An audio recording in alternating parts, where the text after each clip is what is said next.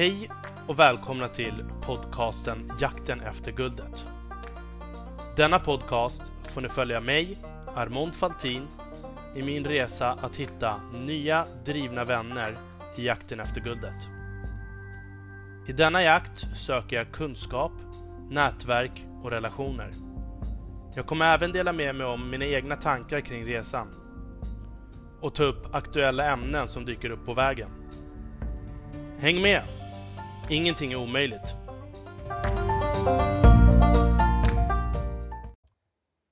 Hej och välkomna allihopa till avsnitt 90. Alltså, jag vill tacka alla för den superfina responsen jag fick efter avsnittet med Daniel Dabossi. Alltså jag visste redan innan jag hade det där avsnittet att det skulle vara en sån här riktig clickbait. På grund av, ja, om man tar upp lite heta ämnen som just nu eh, NFT råkar vara. Så att eh, jag har ju fått en hel del nya vänner nu på LinkedIn som eh, har lagt till mig, skrivit till mig och sagt att de eh, har varit intresserade av att lära sig om NFT och, och, och sådär. Så att, eh, och de hade lyssnat på mitt avsnitt. Och, alltså jag älskar när liksom människor hör av sig och det blir liksom, det, det bara klaffar. Och, och, jag kände så här, den veckan så hade jag ett sånt bra flow och alltid när man har ett bra flow, då gäller det att fånga momentum. Så att jag satt ju och slaktade ut meddelanden till gäster och har legat i massa kontakt nu med flera gäster som jag vill ha in till podden. Och eh, jag ligger lite så här i ett mellanläge. Jag vet inte riktigt hur hårt jag kan trycka på. Och jag märker att det är väldigt många som frågar så här, men vad gör, vad, vad, vad är det för podd? Och jag har haft svårt att göra den beskrivningen. Jag har, jag har beskrivit den som uh, en podd där jag träffar liksom drivna människor och uh, vill dela er story och expertis. Och ofta så handlar det om människor som man redan har följt ett tag och är väldigt intresserad av. Och, och då kan man liksom skriva det också i meddelandet liksom, så att man visar att man liksom är påläst och eh, vill veta mer om deras resa eller expertis. Men sen har jag också fått folk som har skrivit in till mig och eh, vill vara gäster. Och det älskar jag också, för då hittar man nya människor och då visar man liksom att podden växer organiskt och att de har liksom hört min podd eller fått den rekommenderade från någon och de vill vara med. Och ja, det, det var väldigt, väldigt, väldigt nice. Men eh, förra veckan i alla fall, innan påsk, då var jag med i Framgångsakademin, uh, Season 2, eller vad man ska kalla det. Um, det var väldigt intressant. Det var så här, Fredrik Reinfeldt, uh, bland annat, han uh, har en kurs där han föreläser kring ledarskap, om hur man ska tänka och sådär. Um, ehm, om man är en ledare och hur du fattar beslut. Så jag tycker så här, det var väldigt många spännande gäster den här gången. Och det var ju tre dagar, måndag, tisdag, onsdag. Eh, det finns ju flera anledningar varför jag gör, går med i de här kurserna. Eh, det är ju dels för att liksom, man blir alltid så himla motiverad.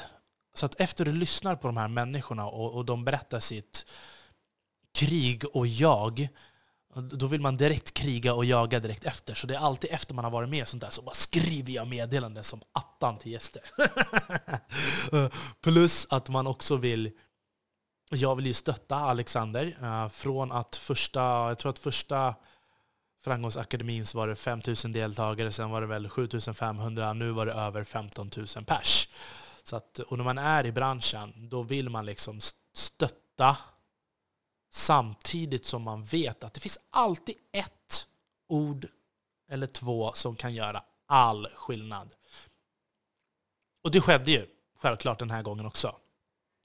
De jag såg, eller den personen jag såg allra mest fram emot att liksom lyssna på, det var ju Ashby Nuri. Uh, eh, Aviciis gamla manager och eh, också han som ligger bakom eventet Brilliant Minds. Um, det var så himla nice att höra hur Ash pratade om varför han skapade Brilliant Minds. Och hans föreläsningar handlar om hur du bygger ett globalt brand. Lite just vad det gäller det här med branding eh, har jag lite koll på, men han, han, han la in en massa bra grejer i alla fall som jag tyckte var väldigt spännande. Och hur hans tankar var kring att vi har så himla mycket talang. Sverige är en metropol. Du behöver inte flytta till LA om du ska bli en musiker och du behöver inte flytta till Silicon Valley om du ska starta techbolag. Och han tog ett snack med Daniel Ek om att han ville liksom bjuda amerikaner till Sverige för att faktiskt visa att vi har allting i Sverige. Jag menar, vi har fantastiska techbolag som har grundats och startats i Sverige. Allt ifrån Skype, Klarna, iSettle, alltså Mojang. Vi har hur många som helst. CarlPay, OnePlus. Och sen så har vi också artister som Max Martin och våra vanliga svenska artister och låtskrivare. Vi har hur många som helst. Så att han hade verkligen en grand vision och gjorde någonting grymt över det hela. Och sen är det också alltid kul att höra så här när Alexander ställer så här frågor, jaha, men vadå, så du bara ringde Daniel Ek från ingenstans och ni har den relationen?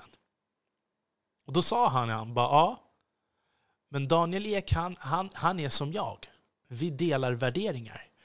Och Det är också så här någonting som folk inte tänker på, att de tror att så här, bara för att du är en framgångsrik entreprenör så är det extremt svårt att, ja, men att du kanske liksom har näsan i vädret. Men Daniel Ek är ju faktiskt från Rågsved och det var kul att höra när Ash berättade hur jordnära han är och liksom hur, hur mycket de delar värderingar och inte alls är snofsiga och liksom alltid måste vara på marken. Att Ash sa liksom om jag ska bygga för folket då måste jag vara bland folket, det går inte att vara där uppe. Och Daniel har exakt samma tänk. Och att han de identifierar sig liksom med vanliga människor och inte någonting annat.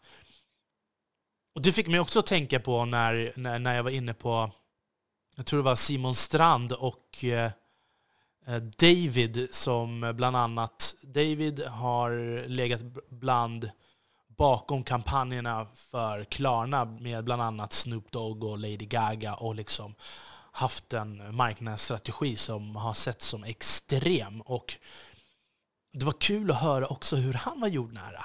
Hur han också var uppvuxen i Rågsved och var en helt vanlig kille. Säkert mång, mång, mång, mång miljonär, men liksom han pratade med helt vanliga människor. Allt ifrån journalister till folk från förorten. Och det var liksom, det var en helt vanlig dude. Uh, man fick en hel del tips och tricks. Men sen så gillar jag också de här udda fåglarna. Och då var det ju... På tredje dagen så var det Babben Larsson. Babben Larsson är ju komiker, men hon har ett föreläsningsprogram kring presentationsteknik. Och hon berättar ju att det är många ledare och sådär som har anlitat henne och företag liksom för att utbilda inom just presentationsteknik. Och jag tittar på de här sakerna från ett helt annat perspektiv. För att jag försöker ju, man märker ju när man har podden att man eh, tränar, man kan bara träna liksom live med gäster och sen så kan du träna på att vänja dig med micken. Och det hon sa som hon tyckte var väldigt viktigt är att du kan ha du kan plugga manus, du kan ha ett manus och vara liksom extremt väl förberedd, men lås dig inte på manus. Och Det är också någonting som jag lärde mig väldigt tidigt i podden faktiskt. Att det går inte bara att låsa sig till, till manus. Och hon påpekar bland annat om att det, det, behöver inte vara så att manuset inte passar in. Men det kan vara flowet i rösten som gör att nästa grej som du vill säga kanske inte passar in och då behöver du liksom vara kvick och bara fånga upp med någonting annat.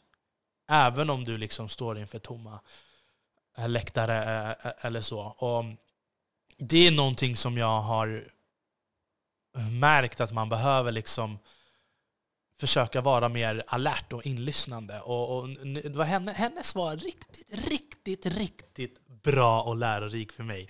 Och sen så kan inte jag sluta tänka på, just när jag hör, ja, men, ni märker ju så här, varför gjorde jag den här podden? Jo, jag, jag vill liksom att folk ska höra, jag vill ju höra hur en resa faktiskt går till. Jag vill ju se hur någon som jagar guldet söker nya vägar, eh, söker sig till nya personer, försöker liksom hitta nya kontakter och nya inspirationer för att liksom ta sig till nästa steg. Och det är den känslan jag vill förmedla. Men när man också har gått med i alla de här olika inkubatorprogrammen eller liksom föreläsningar eller kurserna och så vidare så känner jag också att som jag berättade för, sist när jag också var med i Framgångsakademin, att jag har ju liksom... Jag skulle nog kunna göra det där lite bättre på ett annat sätt känner jag. Eller inte bättre, de gör det väldigt bra, men jag skulle vilja göra det i ett annat format. Starta, göra liksom kanske ett hackathon när corona har släppt där man bjuder in allt elever från Bergs, eh, där de jobbar med media och kommunikation, till eh, KTH till exempel, ehm, där de jobbar inom teknik. Eh, och blandar det tillsammans med det duktiga spillet som finns från program som kanske Antler eller Shift Capital som de har tillsammans med Bling Startup. Alltså Eh, Breakits, uh, nyhetssajten Breakit som har uh, Shift Capital tillsammans med Bling, uh, där de samlar entreprenörer från förorten och landsbygden och liksom bara gör en skön blandning människor. Ha ett hackathon på två, tre, dag tre dagar, säger vi. där man liksom har ett, ett en stor byggnad där det finns liksom tillgång att vara där 24-7. Och liksom bara kriga med att hitta team, bygga idéer, spåna. Men att ändamålet med det här kanske mer ska vara att man vill knyta kontakter och utbilda. Mer än att man bara ska vara, nej nu direkt efter det här så ska ni liksom ta in kapital och gå upp på scenen och eh, sen har ni misslyckats. Utan låt oss liksom bara så fröet, låta det gro lite och vara del av den utvecklingen och skapa de broarna istället. Och sen kanske på ett eller annat sätt så vill man ju ändå i slutändan att det ska kunna finnas chans till att få in kapital. Och sen filma hela det här eventet. Det är nog någonting som jag skulle... Mm, mm, mm. Så Peppe, om du lyssnar på det här, vi får väl kanske ta ett snack lite senare för att snacka lite med Bobbe. Mm. Så att... Eh, alltså jag blir så jävla... Vet, nu också så här, jag har ju... Jag känner ju en liten press och stress faktiskt. Lite lite, jäkligt mycket. Um, om att jag, jag, känner att jag har stampat. Liksom. Jag, jag, vill, jag vill att det ska gå vidare nu. Och eh, det är synd att... Jag har ju en strategi som jag alltid har liksom tyckt är den bästa strategin. Uh, som uh, alltid har liksom tagit en till nya marker. Och det är ju stormningsstrategin. Stormningsstrategin den går ju ut på att storma event eller människor som man vill komma i, kontakt med på ett eller annat sätt. Liksom. Okej, okay, om du inte får tag på dem på telefon, eh, om du inte får tag på dem eh, via mail eller på, på något sätt liksom, så går det alltid att söka sig till event och liksom storma de eventen och träffa dem där och connecta liksom på det planet. Och det, jag tyckte också det var ganska bra det som Alexander sa. Alexander Pärleros han berättade i Framgångsakademin att han, han hade kommit på en idé. Han ville få in investerare och, och liksom få in kapital till sin idé. Så han hade skrivit en jättefin affärsplan och liksom tränat på den. Och sen så hade han gått och pitchat till typ tio olika investerare. Alla gick åt skogen. Och sen så hade han kontaktat en vän som liksom hade fått in hur mycket kapital som helst. Det hade gått hur bra för honom som helst. Och, och frågat så här, men fan vad är det jag gör fel? Vad är det jag ska göra? Vad är det jag ska göra? Då hade den här vännen berättat för honom att men du gör ju det på fel sätt. Vet du hur svårt det är att pitcha? Du ska ju bara ta en lunch med dem, eller en middag med dem. Träffas på ett event, snacka lite skit. Och per automatik så kommer folk under konversationen fråga Men du, Alexander. Vad är det du håller på med nu då? Håller du på med någonting spännande? Och då kan Alexander säga så här. Ja. Faktiskt så har jag en grej som är lite hush-hush. Den är ganska hemlig. Uh, och så sitter han och berättar om sin idé som han liksom vill få igenom. Och då, då är det ingen pitch, utan han bara berättar om vad han håller på med bakom kulisserna. Och han berättade att han hade gjort tre sådana träffar. Och varje person hade direkt efter bara ”Men du, om du behöver kapital eller hjälp eller någonting, kontakta mig på en gång. För jag, jag, jag, jag skjuter gärna in pengar. Så efter lite om och men och han hade pratat med sina kollegor så bestämde de sig för en av investerarna och det var så han fick in sin investerare. Och det är också det här som fungerar med storming-strategin som jag alltid har hållit på med. Som jag inte kan göra nu. Tack vare corona. Men eh, så jag längtar verkligen tills det här är över och man liksom kan börja storma och liksom skapa lite event och, och gå på lite um, event för att liksom rycka upp lite eh, nya marker och uh, connecta med lite människor. Men uh, sen har jag också så här,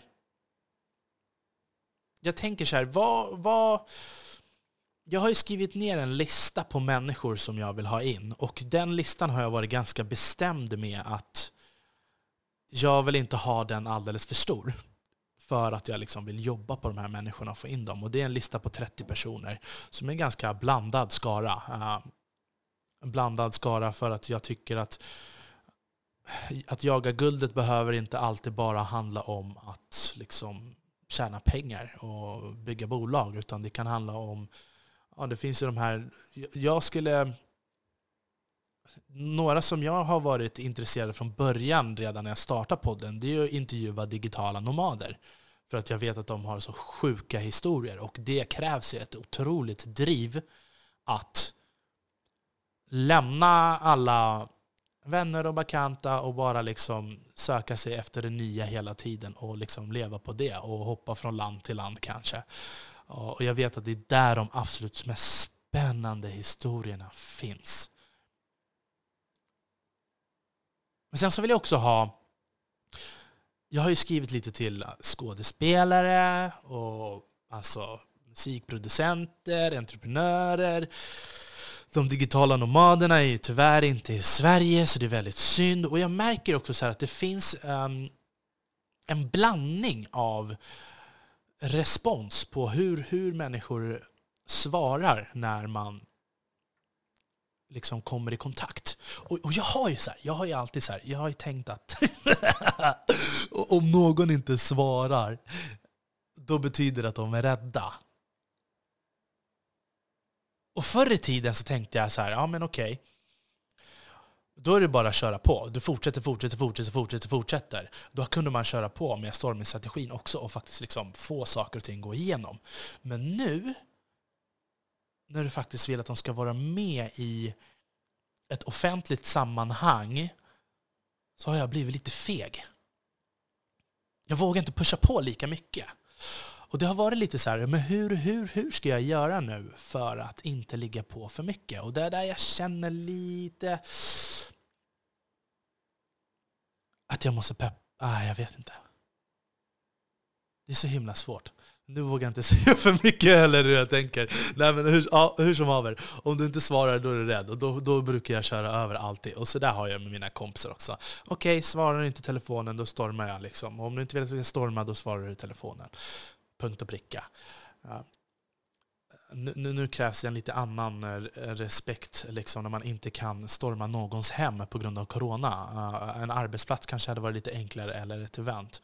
Men eh, om ni där ute känner några digitala nomader, hör gärna av er till mig. För eh, jag vill höra, höra en, en story från en digital nomad som drog av någon anledning och eh, varför de kanske är här, vad de har för guld och, och, och liksom höra de storiesna. För var det någonting som jag la märke till när jag var i Thailand, det var att alla människor som du träffar där som kommer från en annan plats, eh, ett annat land, alla har en anledning varför de drog hemifrån. Och eh, man kände en gemenskap. Man frågade inte så mycket så här, ja, men varför drog du?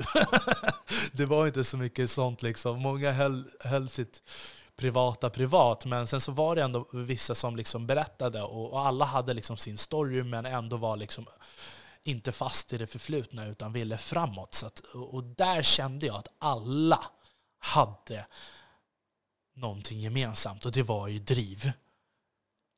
Så att skicka in till mig om ni, om ni har någon med en spännande story med driv, för det är ändå det jag tycker att den här podden ska handla om. Och eh, skriv också in till mig om ni har liksom som jag har sagt hela tiden innan, om ni har någon företagsgranskning ni vill att jag ska göra, eller om ni har något förslag på någon gäst, ämne, vad som helst. I'm up for anything. Jag vill göra det här tillsammans med er. Och nu har det också varit så här att jag har ju märkt att onsdag är ju inte den mest optimala dagen att släppa podd. För att måndag, tisdag, det är ju början på veckan som det absolut är mest saker som man behöver få gjort. Och, och då har man inte egentligen tid att ha en podd. Och gör den alldeles för tidigt inte heller bra, för att då kan det ha kommit fram någonting nytt och man vill ju hänga med i samtid om det kommer ut några nyheter. Men jag kommer i alla fall fortsätta kämpa på att släppa på onsdagar och det ska inte vara något jidder med det. Och jag vet att det absolut värsta som finns, som jag tycker i alla fall, det är när du vaknar en dag och liksom du har längtat efter en podd en hel vecka. För att bara, ja, allt ifrån om du vill liksom om man vill lyssna på omvärldsbevakning eller om man bara vill lyssna på gnabb och den podden inte har släppts. Och så kan man gå in flera gånger den dagen och kolla om den har släppts. Och så blir man så här, åh nej! Måste jag vänta en vecka till? Och det där, den känslan vill jag absolut inte ge till er. Så skriv gärna in till mig, hur viktigt är det här med bara de här eh, gnabbpoddarna. Är det okej okay att bara ha de här gnabbpoddarna? Eller måste det vara gäster hela tiden? Jag kommer i alla fall göra allting för att fortsätta att släppa oavsett vad, för att jag vill visa resan.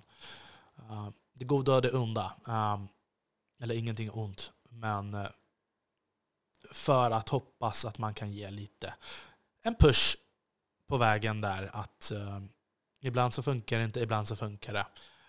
Men man måste bara göra arbetet i alla fall. Mm. Och ni som skriver in, alla som liksom lyssnar, stöttar genom att göra stjärnor, följer oss på sociala medier, fortsätt med det ni gör. Det är all, all, all cred och betalning i världen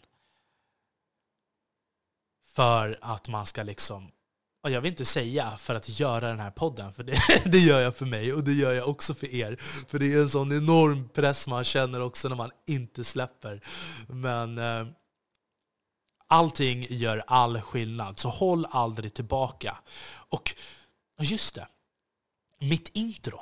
Jag hade ju tappat bort filen till mitt intro och jag har ju fått lite så här, folk har ju sagt till mig, ah, men hallå Armand, ska du inte byta ditt intro? Det låter lite, det låter lite så här underlägset att du liksom söker vänner och, och bla bla bla. Men sanningen är att jag vill sänka tröskeln så himla lågt ner på marken att säga det så många gånger så att ni ska våga höra av er. Det ska inte finnas någon tröskel där. Jag vill att det ska vara tydligt att man hör av sig. Så att, gör jättegärna det och, och håll inte tillbaka om någonting. Jag tycker det är jättekul. Och jag träffade ju också i helgen en, eh, en kille som hade lyssnat på podden och gav lite feedback. Och det är alltid roligt när man eh, träffar människor eller kompisar som man absolut inte trodde lyssnade på podden har gjort det. Och, och liksom vad de har för synpunkter och sådär. Och, och liksom oftast de avsnitten som man själv är mest missnöjd med äh, tycker folk är helt okej. Okay, så att man märker att det, det är en bra blandning. Men nu, nu sitter jag här och samlar data data, data, data, data, data på vad det är vi ska faktiskt ha här framöver. Och jag vill ju också steppa upp, steppa upp det här lite grann. Och eh, min favoritpodd förresten, Den digitala draken, har släppt ett nytt avsnitt. Lyssna gärna på dem för att det är en av de bästa poddarna. Det är en av världens bästa poddar och den är faktiskt svensk. Eh, internationell. Tom Chong som gör den podden tillsammans med Jakob Löfven om eh, techscenen i Kina och varför det är så himla coolt att liksom just spana in företag i Kina där du kan poppa upp 70 konkurrenter med flera hundra miljoner i bagaget bara några dagar efter du har startat ditt bolag. Det gör att de behöver tänka på ett helt annat sätt och det gör att man blir så himla taggad på att också få liksom inspiration av hur, hur man själv ska göra när man går tillväga. När man själv ska liksom starta ett företag och, och hur agila de är. Och så hörde jag också ett avsnitt, vad hette den här podden? I huvudet på en entreprenör. Uh, med Daniel Jur, Jursic, tror han heter. Uh, han startade det här glasögonvarumärket eh, Shimmy, Shimmy Eyewear. Alltså, han, han, han är ju en vän till en vän och jag har sett det där företaget liksom komma upp.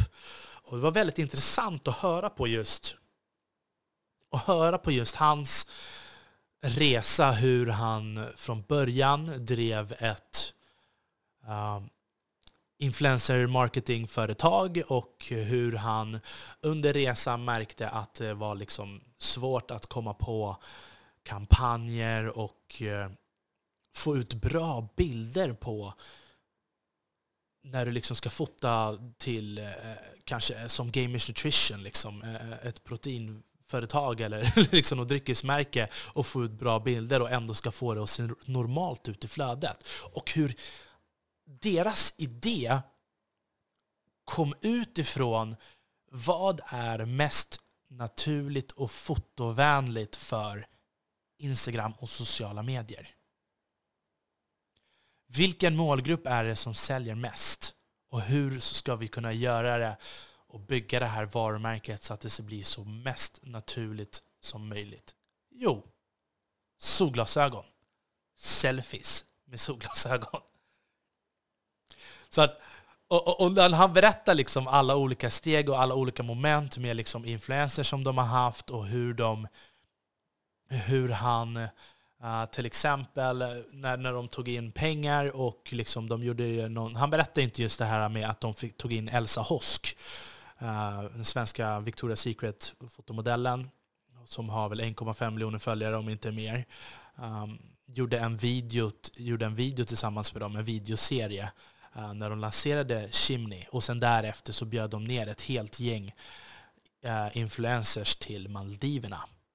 Och därifrån började resan. Och liksom hur han byggde varumärket, vikten av att liksom bygga ett varumärke, bygga egna ett eget content på för sitt varumärke utöver att du kan inte liksom bara bygga ett varumärke på att reposta liksom influencersnas bilder utan du måste liksom bygga varumärket så pass starkt så att influencerna ska vilja vara där och vilja göra ett bra jobb. Ja, det var väldigt intressant att höra hans liksom synpunkter på det hela. Dels för att jag själv gick ju igenom ungefär alltså, ganska samma resa. Alltså vi, vi, jag hanterade väl cirkus 100 influencers liksom, som du ska skicka ut varor till, du ska liksom komma på uh, en struktur som passar just den influensen om vad de kan göra liksom, för att liksom sätta mål på vad det är man vill få ut och sen följa upp och, och liksom ha tid att hantera dem och prata med dem och eh, hur många det är som faktiskt inte gör sitt jobb och liksom ska du lägga ner energi på på de som inte gör sitt jobb eller ska du lägga ner energi på de som gör sitt jobb och, och, och bara liksom räkna med allt spill och eh, alltså, det var kul att höra också hans syn på hur han tror att liksom att bygga varumärke på det sättet heller inte kommer vara lika enkelt nu eh, på grund av att idag så vill mikroinfluencersna faktiskt ha betalt. Eh, det går inte bara att skicka ut varor och bara varorna kostar jättemycket. Jag tror att vi pratade om det tidigare att eh, Gastolunga, de här som gör ryggsäckar och en hel del andra saker, de hade ju 16 000 influencers som de jobbade med då. Och det här var ju över ett år sedan. Uh, sen har vi Ideal of Sweden som hade 60 000 influencers. Hur många personer behöver du ha som hanterar 60 000 influencers? Och det är kul för att då ser man liksom, här kan du strategiskt planera hur steg för steg hur många människor du behöver ha som liksom arbetar för att bygga ditt varumärke men ändå liksom strategiskt inte sprida sig alldeles för mycket. Det, det, det, var, det är väldigt kul och det var också så här, jag lyssnade på eh, Jarno som startade varumärket Naked och som innan dess hade startat varumärket Nelly. Och hur han berättade att Nelly blev ett miljardbolag på tio år och eh, Naked blev ett miljardbolag på mindre än tre år. Och han har ju också haft en strategi och vi läste ju där i tidningarna att det var praktikanter som fick de skulle hantera 130 influencers skulle de dra in i månaden till företaget. Och så här, när jag hör 130 stycken, jag själv vet ju att jag hade inte 130 stycken. Kanske eh, över totalen, ja det hade vi nog, eh, kanske lite mer. Men aldrig 130 stycken som man behöver faktiskt hantera i månaden.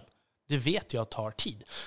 Men, men, han berättade också en väldigt spännande grej som att han gillar att sätta höga mål och att han behöver inte sätta de målen, men bara att ha dem höga för att hela tiden sträva efter någonting. Men att om man inte är tydlig i kommunikationen och om cheferna eller ledarna inte har varit tydliga i vad det är för slags företag man är och vad det är man ska och vad det är för mål man har och alla de här andra värdena som du kan få runt omkring om du faktiskt hoppar in i en sån här startup och börjar göra någonting. Att du kommer ju faktiskt kunna få kunskapen att kunna skapa vad som helst. Du kommer ju få en trygghet, en självsäkerhet och en struktur som, som liksom inte kan jämföras med vanliga arbetsplatser. Så att ja, jag tycker det är himla spännande. Och jag är så himla taggad just nu. Eh, jag, jag vet inte hur, hur mycket jag kan beskriva det här, men nu jag blir helt galen. Ah. Ja, jag tror att det här var, får vara allt för det här avsnittet. Jag bara babblar på som en dåre. Men eh, skriv in i alla fall och hör av er. Och som sagt, följ oss på sociala medier. Ge oss stjärnor i podcaster-apparna och vi hörs igen nästa vecka. Jakten efter guldet mina vänner med vänliga hälsningar Armon Faltin.